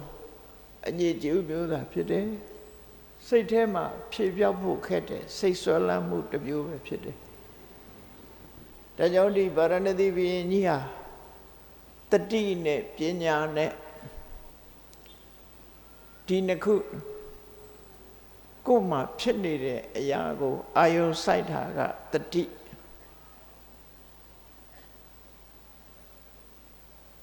အိတ်တာရဲ့အပြစ်နဲ့အိတ်တာမရှိခြင်း ဝန်တိုဝန်တိုအိတ်တာမရှိခြင်းရဲ့အကျိုးမနာလိုဝန်တိုခြင်းရဲ့အပြစ်မနာလိုဝန်တိုမှုကင်းခြင်းရဲ့အကျိုးဆင်ញင်သုံးသပ်ပြီးတော့အိတ်တာတရားဘယ်တော့မှမဖြစ်စေဘူးဆိုပြီးအဋိဋ္ဌံပြီးစိတ်ဆုံးဖြတ်တဲ့အခါမှာသူဟာနောက်ဘဝတစ်ခုရောက်လာတဲ့အခါမှာဘယ်တော့မှဝန်တိုစိတ်သူ့မှာမဖြစ်တော့ဘူးဒါ ဒီဘဝတည်းမဟုတ်ဘူးနောက်ဘဝတစ်ခုရောက်တဲ့အခါမှာလည်းပဲသူ့ရဲ့မနာလိုဝန်တိုစိတ်ဆိုတာမရှိတဲ့ပုဂ္ဂိုလ်အဖြစ်ကိုရောက်လာသူဟာစိတ်ဆွဲလန်းမှုတစ်ခုကိုအောင်နိုင်လိုက်တဲ့ပုဂ္ဂိုလ်တစ်ခုပဲဖြစ်တယ်ပေါ့နော်ဒါယဟန္တာဖြစ်ပြီးတော့ဖယ်ရှားနိုင်တာမဟုတ်ဘူးဆုံးဖြတ်ချက်တစ်ခုနဲ့ပဲသူမနာလိုဝန်တိုစိတ်ကိုအောင်နိုင်လိုက်တဲ့ပုဂ္ဂိုလ်ဆိုဘုန်းကြီးတို့တွေလည်း ကိုယ်စိတ်ကိုဆုံးမပြီးတော့မနာလိုဝန်တိုစိတ်မျိုးငါမှမဖြစ်စေရဘူးမုရိဒာဆိုတဲ့တရားကိုအလေးနဲ့ထားပွားများအထုတ်ခြင်းဖြင့်ဖယ်ရှားပြရမှာပဲဖြစ်တယ်ဒီစိတ်ဆွဲလန်းမှုကိုဖယ်ရှားနိုင်မှုကြွားရသော်ဘုရားရဲ့ဆုံးမတရားတော်တွေဆိုတာလက်တွေ့ကျင့်သုံးမှအကျိုးသက်ရောက်မှုဖြစ်တယ်ကိုယ်ွယ်ဖို့ပူဇော်ဖို့တဲ့ကိုယ်တိုင်ကျင့်သုံးမှုအတွက်မြတ်စွာဘုရားဟောတာဖြစ်တယ် ဒါကိုသတိထားရမှာပေါ့နော်နောက်တစ်ခုကတော့လူတွေရဲ့စိတ်မှာအယက်သေးစာတောက်စားတဲ့အခါမှာဆွဲလန်းသွားတယ်မတော့ရမနေနိုင်တဲ့အနေထားမျိုးရောက်ပြီးတော့နော်ဆွဲလန်းတတ်တယ်ဆိုတာအလုံးသိပဲမူရစေဝါတွေကဆွဲလန်းတတ်တယ်အယက်သေးစာတောက်စားမှုပါလဲဆွဲလန်းတတ်တယ်တချို့များဆိုရင် တည်တည်ထီအောင်မဖြတ်နိုင်လောက်အောင်ဆွဲလန်းပြီးတော့သွားရတယ်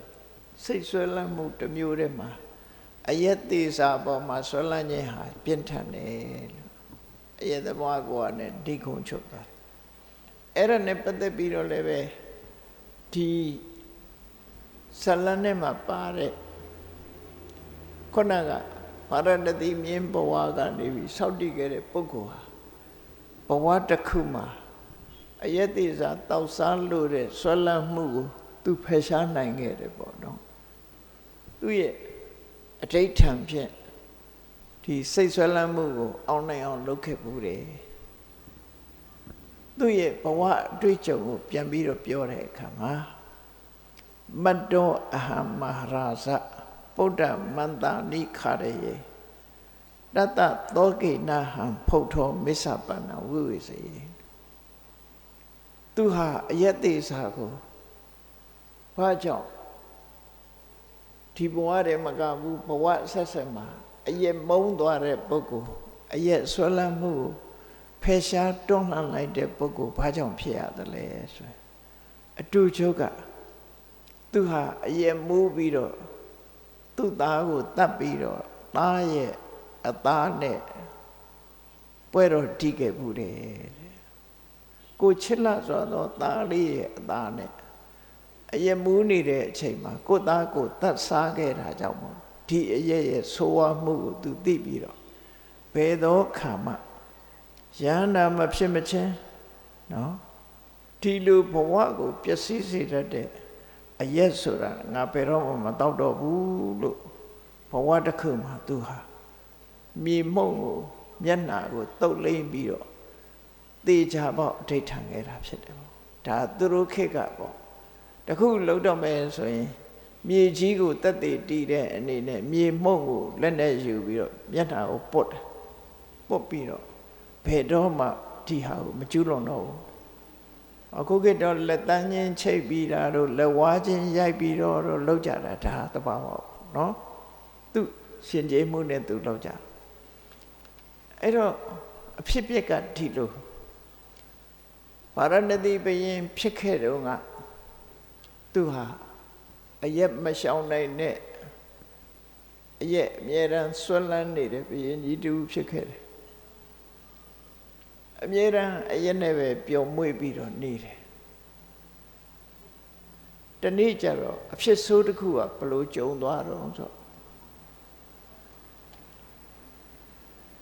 သူ့မှာသားကလေးတူထွန်းကားထားတယ် ကလေးပေါက်စားအလွန်ငယ်သေးတဲ့အရွယ်လေး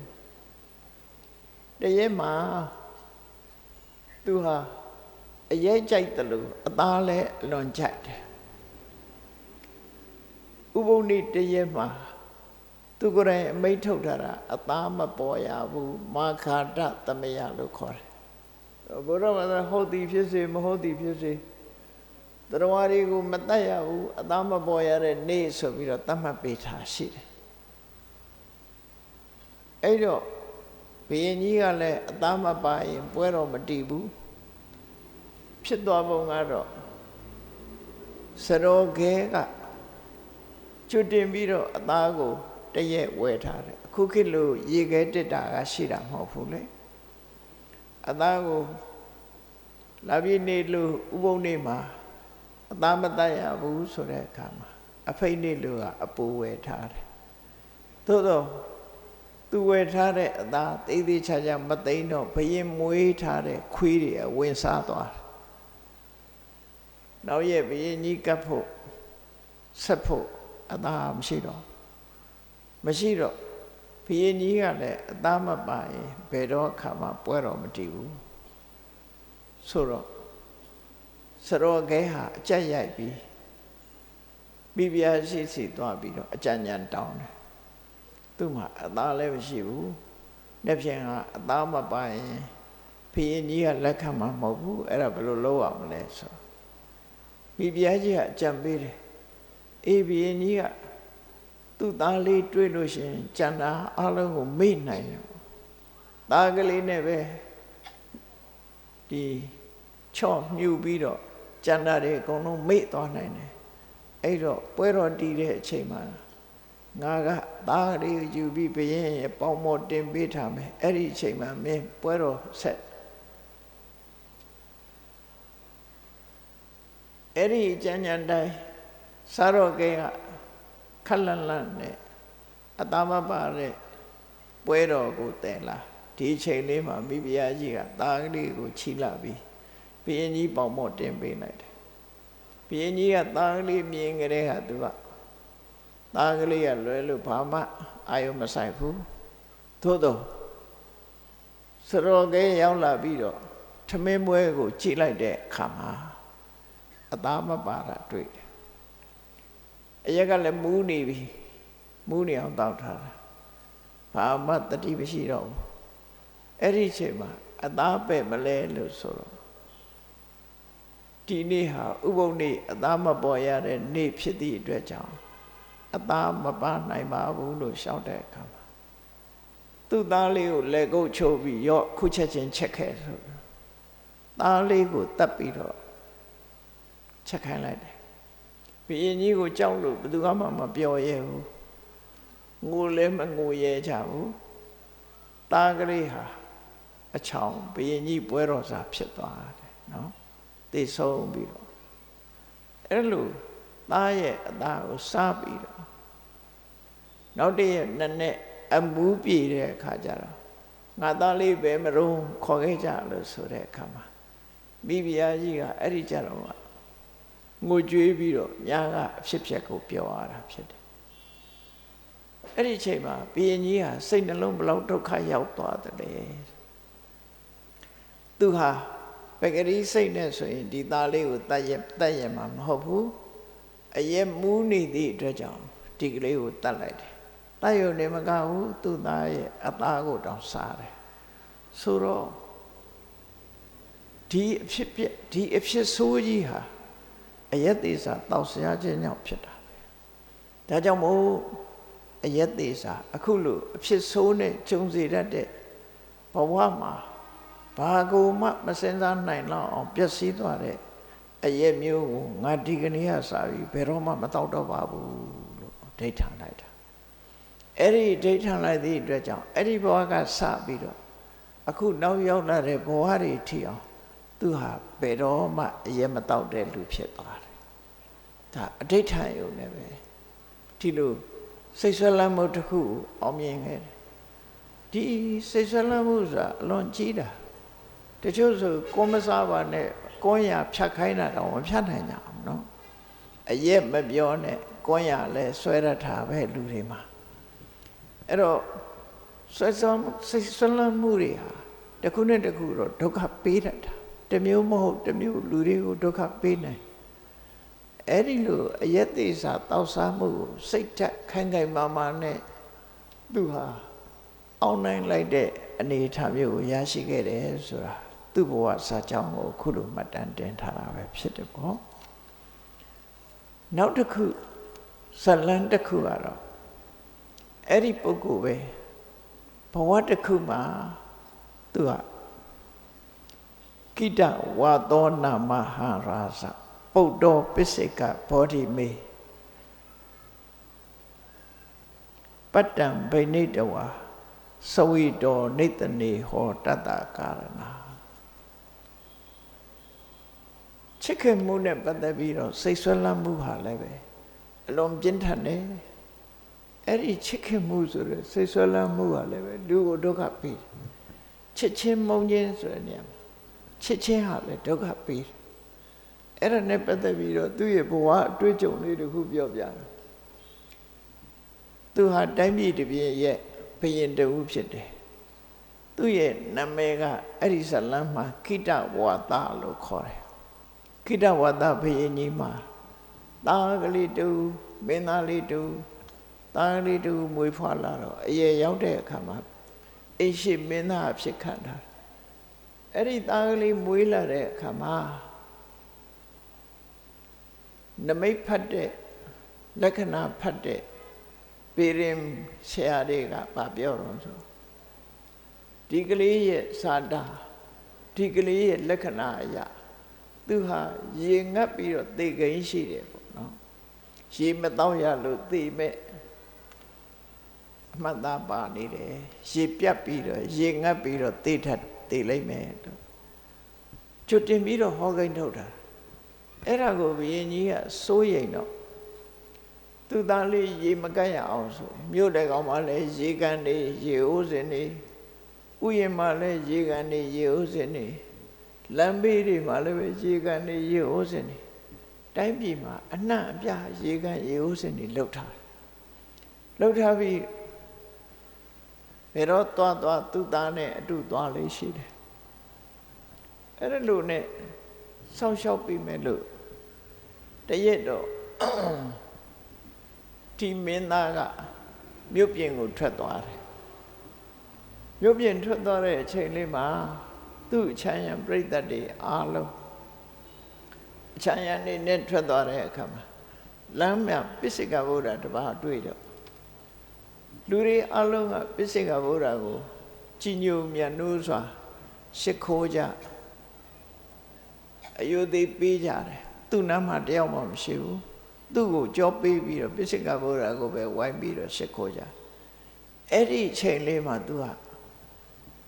ပိစိကဗုဒ္ဓကိုရှ िख ိုးရမလားဆိုပြီးတော့ဒေါသထွက်သွားဒေါသထွက်သွားပြီးတော့ပိစိကဗုဒ္ဓဒီအနီးချင်းကပ်ပြီးတော့ရှင်ဖေဟာဆွမ်းရပလားလို့ဆိုရပါပြီလို့ပြောတဲ့အခါပိစိကဗုဒ္ဓထဲကတပိတ်ကိုယူပြီးတော့ပောက်ခွဲတယ်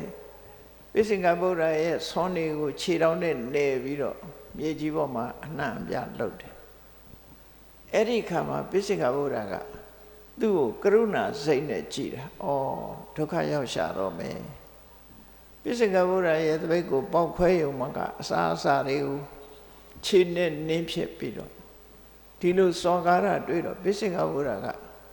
သူ့ကိုကြည့်ပြီးဩတနာစရာဒုက္ခရောက်ရှာတော့မယ်လို့ကြည့်တဲ့အကြည့်ကိုသူကဘာကြည့်တာလဲ သူ့ကိုမကျေနပ်ဘာမလုပ်နိုင်ဘူးသူဟာဘုရင်သားတော်ဖြစ်တယ်ပေါ့ဘုရင်သားတော်ဖြစ်တယ်သူ့ကိုဘာမှလုပ်လို့မရဘူးဆိုပြီး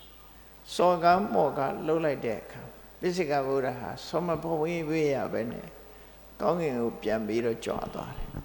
ပိစိကဗုဒ္ဓလည်းကြွသွားရောသူခန္ဓာကိုယ်မှာ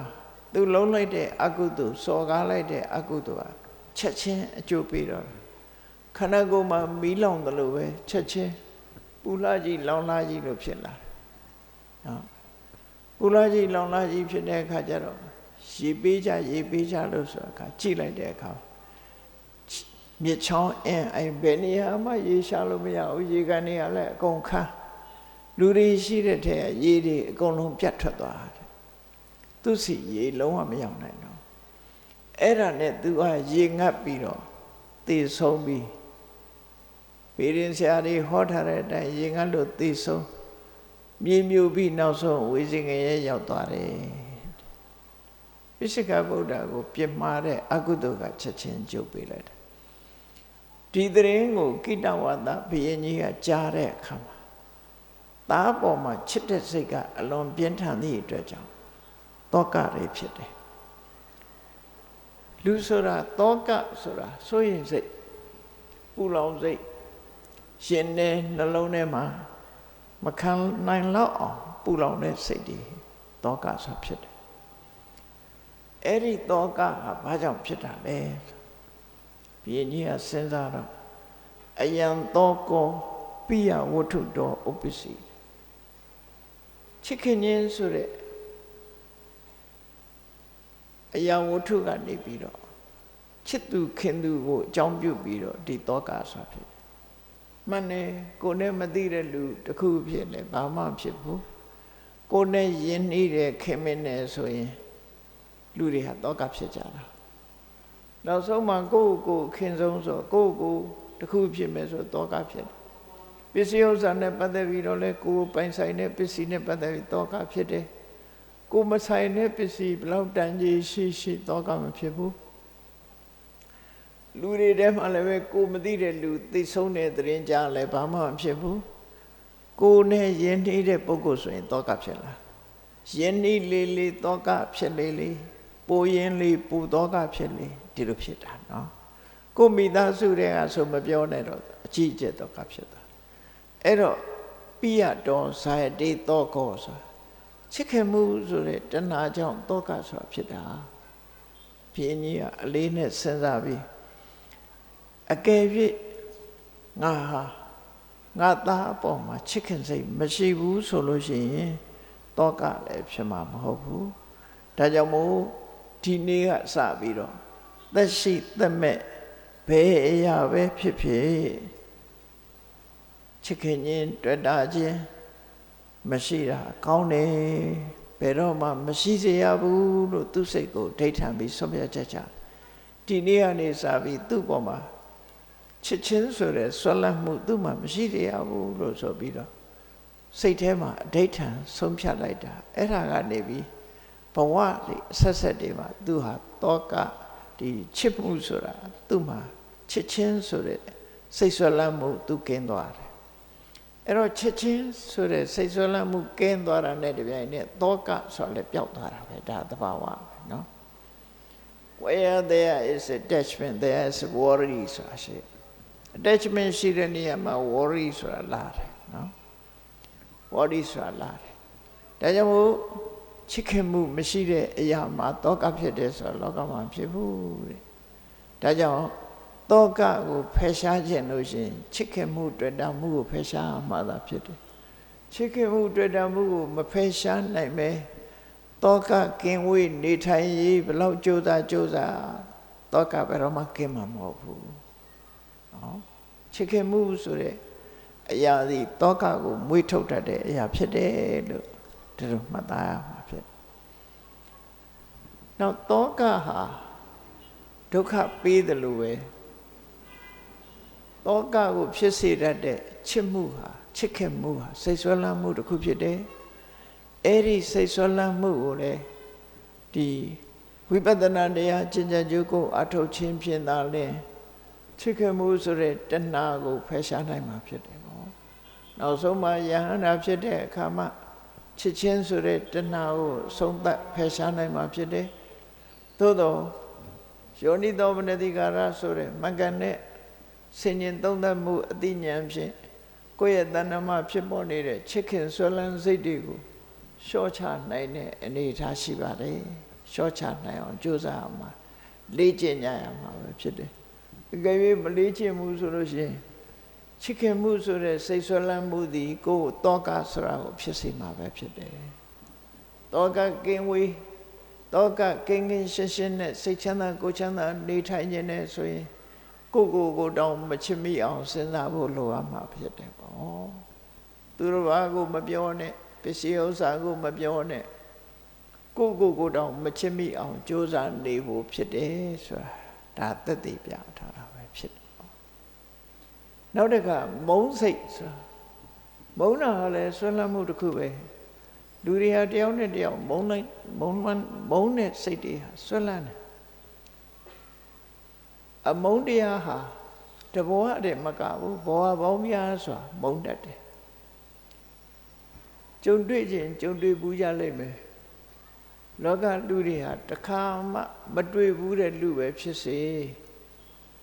ကိုယ်နဲ့လည်းမသိဘူးသို့တော့မြင်းမြင်ခြင်းအဲ့ဒီပုဂ္ဂိုလ်ကိုမုန်းတဲ့စိတ်ပေါ်တာမျိုးတွေဖြစ်တတ်တယ်နော်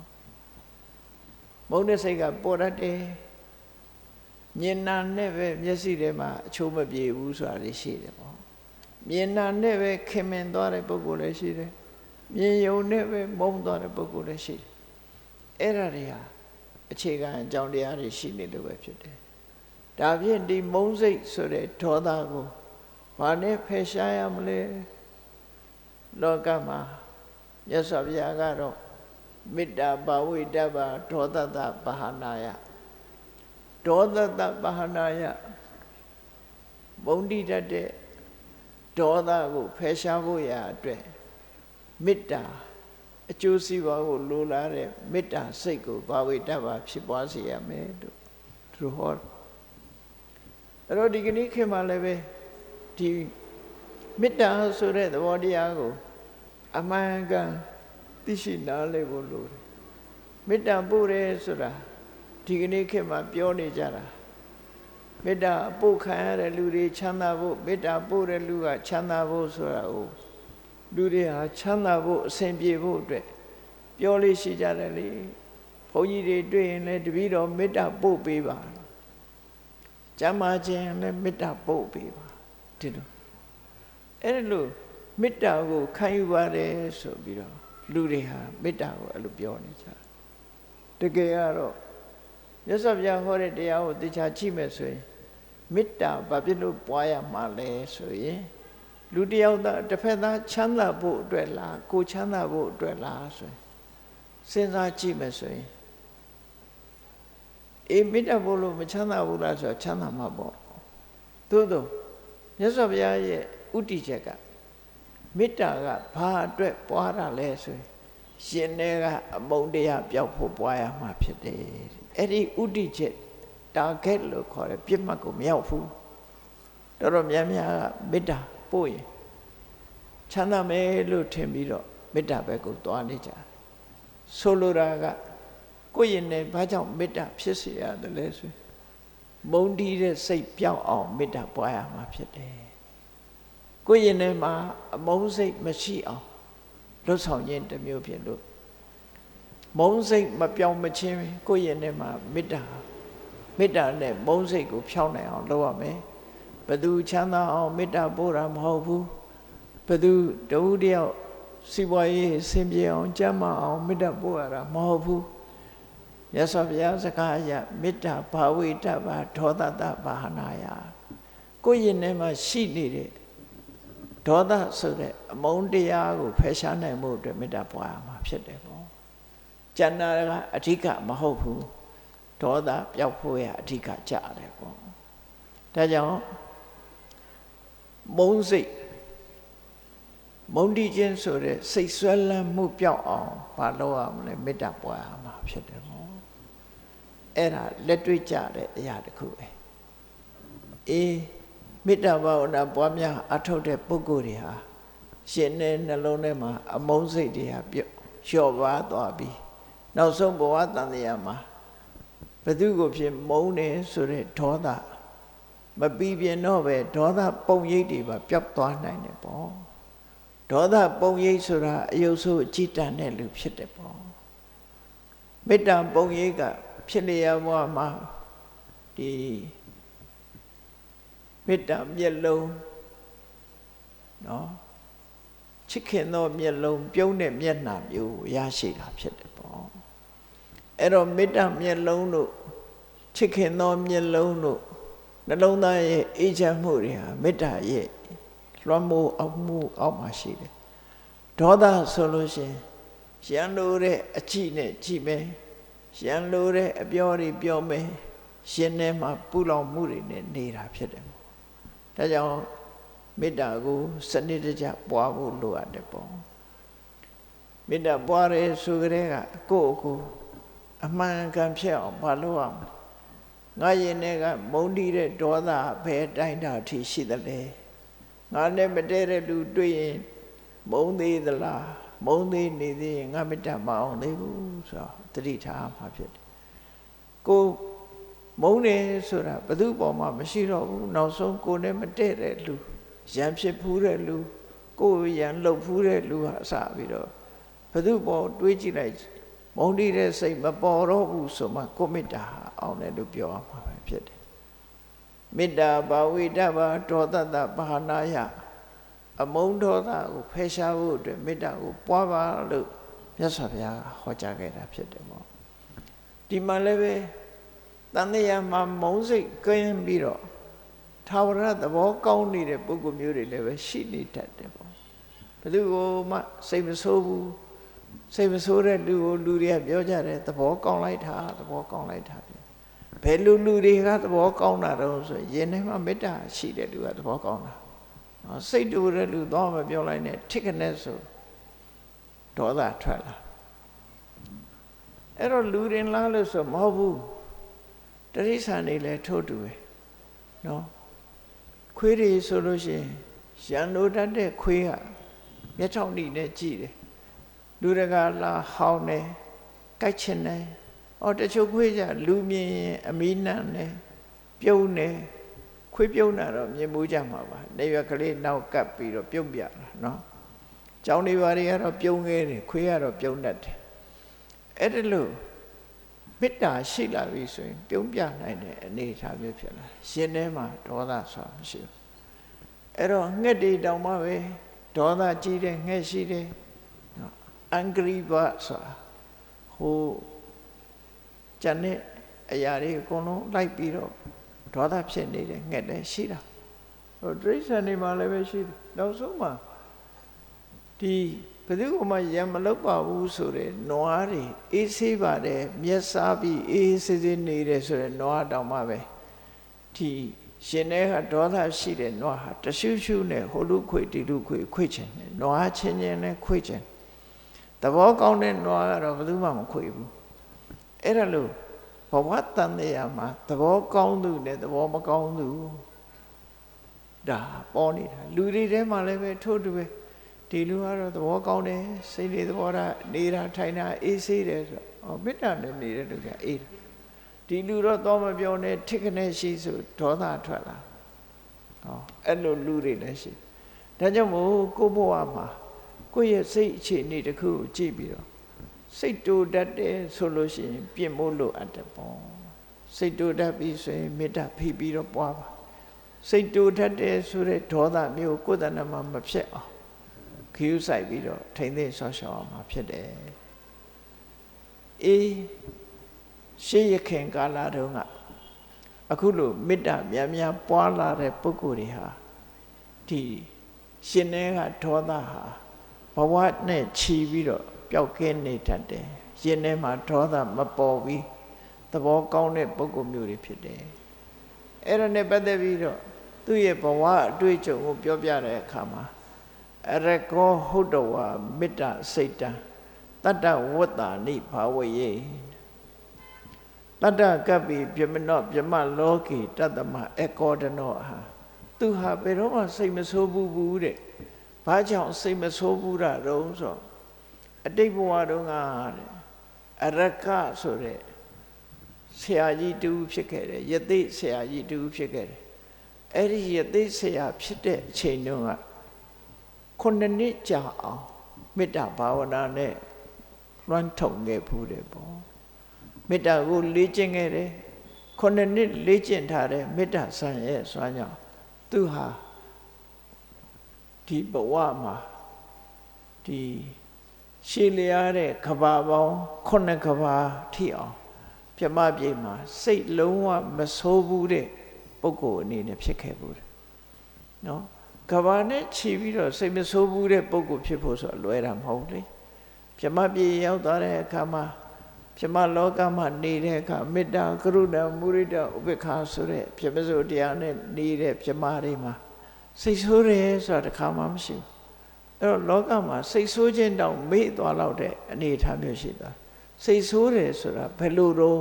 ဘယ်လိုဖြစ်တာကိုစိတ်ဆိုးတယ်လို့ခေါ်ရမှာတော့ဒေါသဆိုတာဘယ်လိုဟာတော့လို့မေးယူရလောက်သူ့ရဲ့ရင်ထဲမှာပျောက်ကွယ်သွားတယ်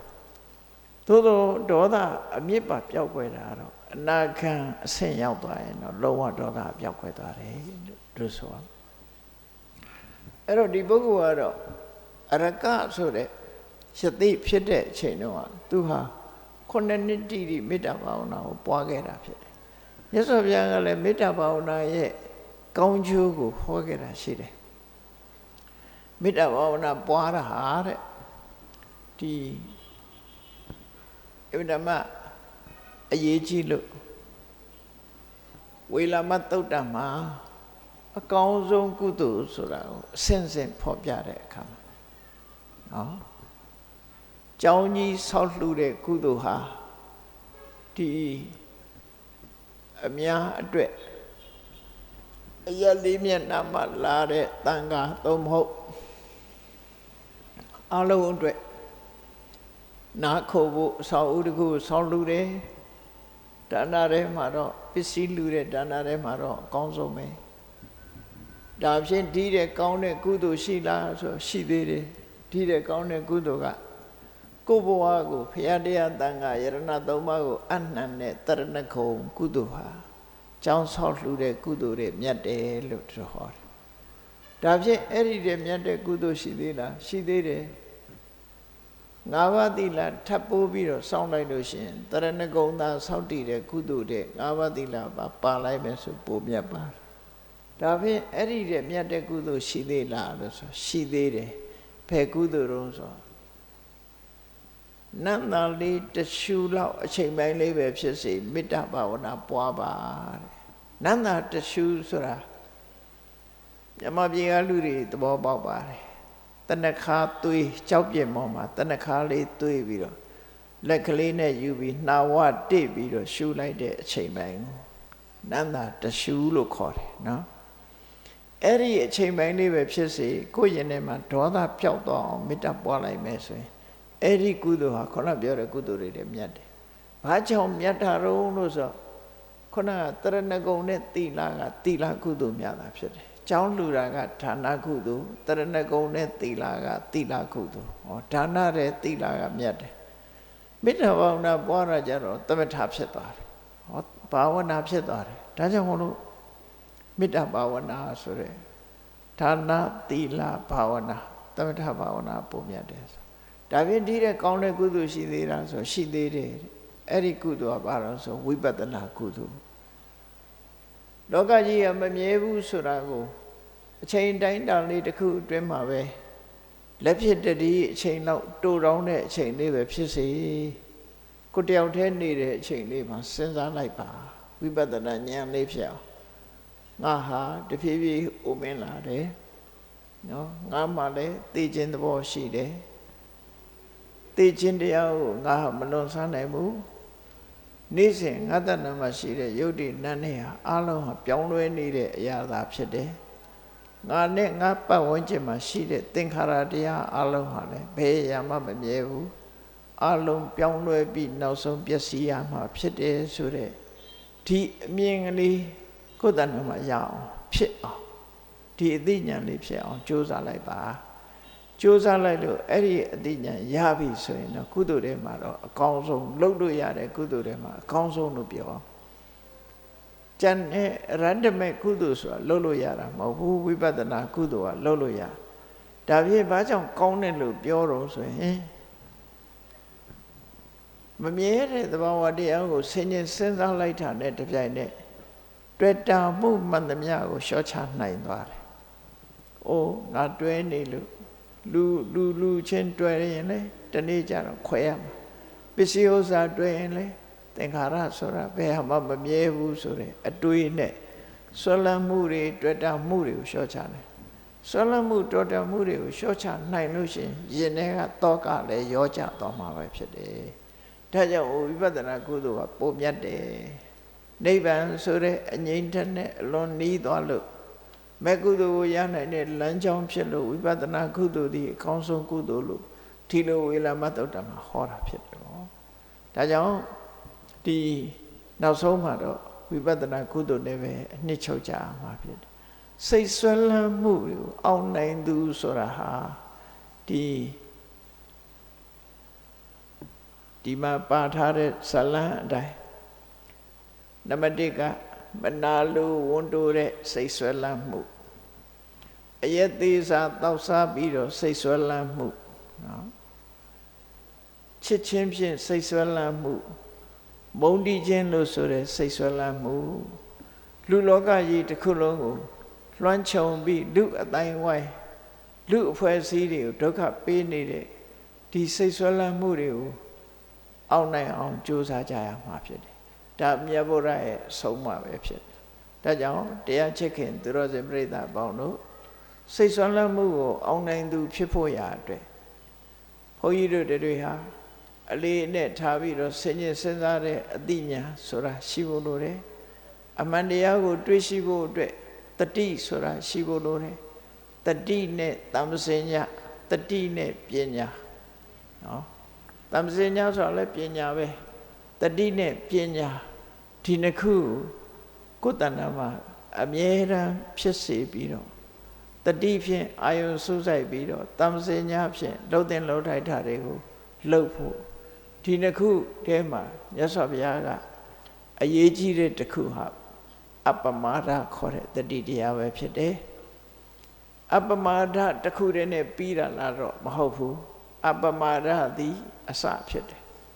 အရေးကြီးဆုံးကတော့သာသနာတော်မှာလုပ်ငန်းတစ်ခုကိုပြီးစီးစေနိုင်တာကပညာသာဖြစ်တယ်ပေါ့နော်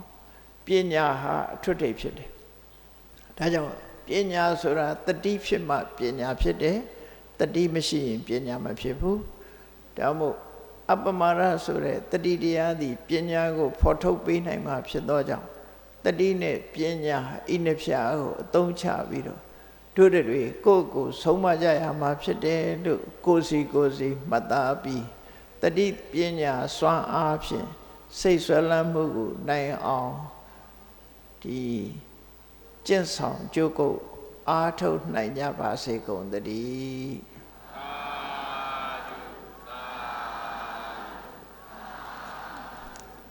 မေတ္တာပို့ရအောင်တတဝါများစွာ ဖေးရန်กว่าချမ်းသာကြပါစေတတဝါများစွာဖေးရန်กว่าချမ်းသာကြပါစေမေတ္တာရေချမ်းသုံးငါဖြံငြိမ်းချမ်းကြပါစေ မေတ္တာရေချမ်းသုံးငါဖြံ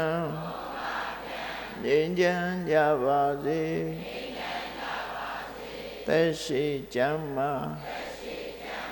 စိတ်ချမ်းသာ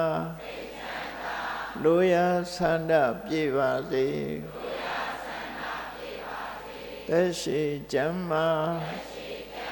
စိတ်ချမ်းသာ လိုရာဆန္ဒပြေပါစေဓမ္မောတရံပိဝိတဝါနဝိတာတဗ္ဗေတမုဟတာအာဇရမရာတိတိဘာဝံနိဗ္ဗာနံယန္တုတာရောဓမ္မောတရံလောကဝဒောသမောဟစိတ်တောကင်းပြော့ကြည်အေးတရားစေကိုပိဝိတဝဝန္တာရှင်ပြတောက်ကြရနာကြရဂုံသောကြောင့် ဝိတာတဝေပူဇာညင်တော်ကိလေသာဆေရတောက်ဟုသမျှတို့သည်တမုဟတာပိကြဘဲတွင် ရေမတင်တဲ့ကဲ့သို့ကိစ္စင်လွင်ပြောင်းပေမရောက်အောင်ပဲဖြောင်းအကုန်သည်ဟွန်တုစင်စစ်မသွေဖြစ်ကြပါစေကုန်တည်းအစရမရံအိုခြင်းလဲကွာနာခြင်းလဲကင်းသေးခြင်းလဲရှင်းထသောတိတိဘောကိလေသာဟုပုခသိင်ကိဉ္ရာအစစ်ဖြစ်ပေထသော နိဗ္ဗာန်နိဗ္ဗာန်ဟုခေါ်အေးမြုတော်သို့တာရောတရားချစ်ခင်စိတ်ကောင်းဝိညာသူတော်ရှင်များတို့သည်ရန်တုပါရမီအစဉ်စဉ်မြင့်နေမြင့်၍မလင့်ပုံသေးဆက်ရောက်တော်မူကြပါစေကုန်တည်း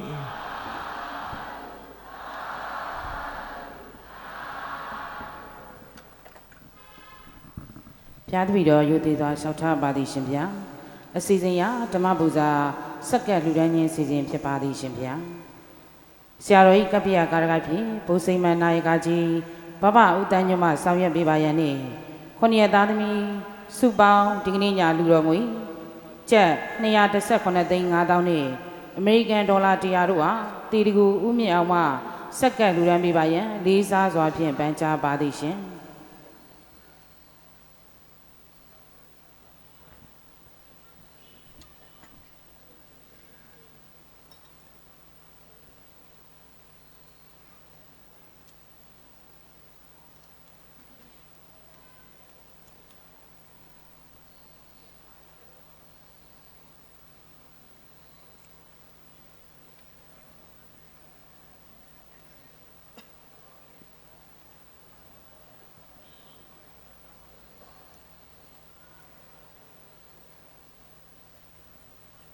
သာ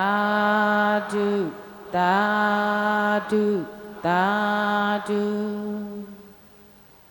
မှန်လားပါဗျာဓမ္မပူဇာစက္ကန့်လှူဒန်းမှုများပြီးဆုံးဖြင့်ဖြစ်ပါ၍ဓမ္မသမင်လှူဒန်းပြုလုပ်ကြပါသောကောင်းမှုကုသိုလ်ဖို့စုတို့အားညာတတဝါများထတ်တူညီများရကြစေ၍အမြတမ်းပေးဝေ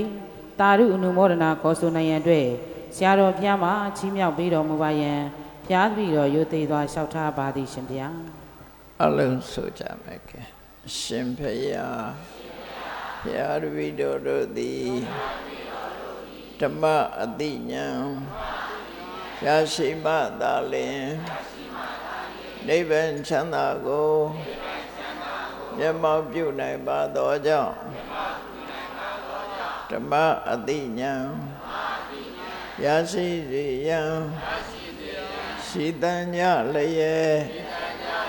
ဓမ္မတပင်ရှင်ရင်ကျင့်ပါပြုလုပ်ကြ၍အပဒဒါနာ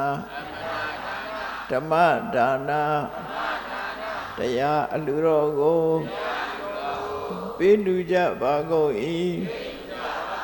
တရားတော်မြတ်ကိုယုသေးလေးမြတ်စွာမမတ်သားသာ အာယုထားလျက်နာကြားကြပါကုန်၏တရားတော်မြတ်ကိုတတဗဝတ္ထုစုစုတို့ဖြင့်ပူဇော်ကြပါကုန်၏ယနေ့ယခုအထုပ်ပြုလုပ်ကြရသောတရားဟောရခြင်း ဓမ္မဒေသနာတရားနာရခြင်းဓမ္မတဝနာတရားတော်ကိုပေးလူရခြင်းဓမ္မဒါနာတရားတော်ကိုပူဇော်ရခြင်းဓမ္မပူဇာကုသိုလ်စေရနာ ဖြာဖြာတို့သည်ဒုက္ခခတ်သိချုပ်ငြိမ်ရမှန်ယနိဗ္ဗာန်ဤအကြောင်းထောက်ပံ့ဖြစ်ပါစေသာရှင်ဖေယဤကောင်းမှုဤဖို့ဘာကကိုအမိအဖအဖိုးအဖွာ ဆရာသမားမစ၍ကဘာသူကဘာသာလူနတ်မြမတတဝမြတ်တို့အားအမြအမြဝေငှပါကုန်၏ကုသိုလ်အမြကိုယ်စီရကြကုန်သည်ဖြစ်၍ကိုယ်စိတ်နှဖျား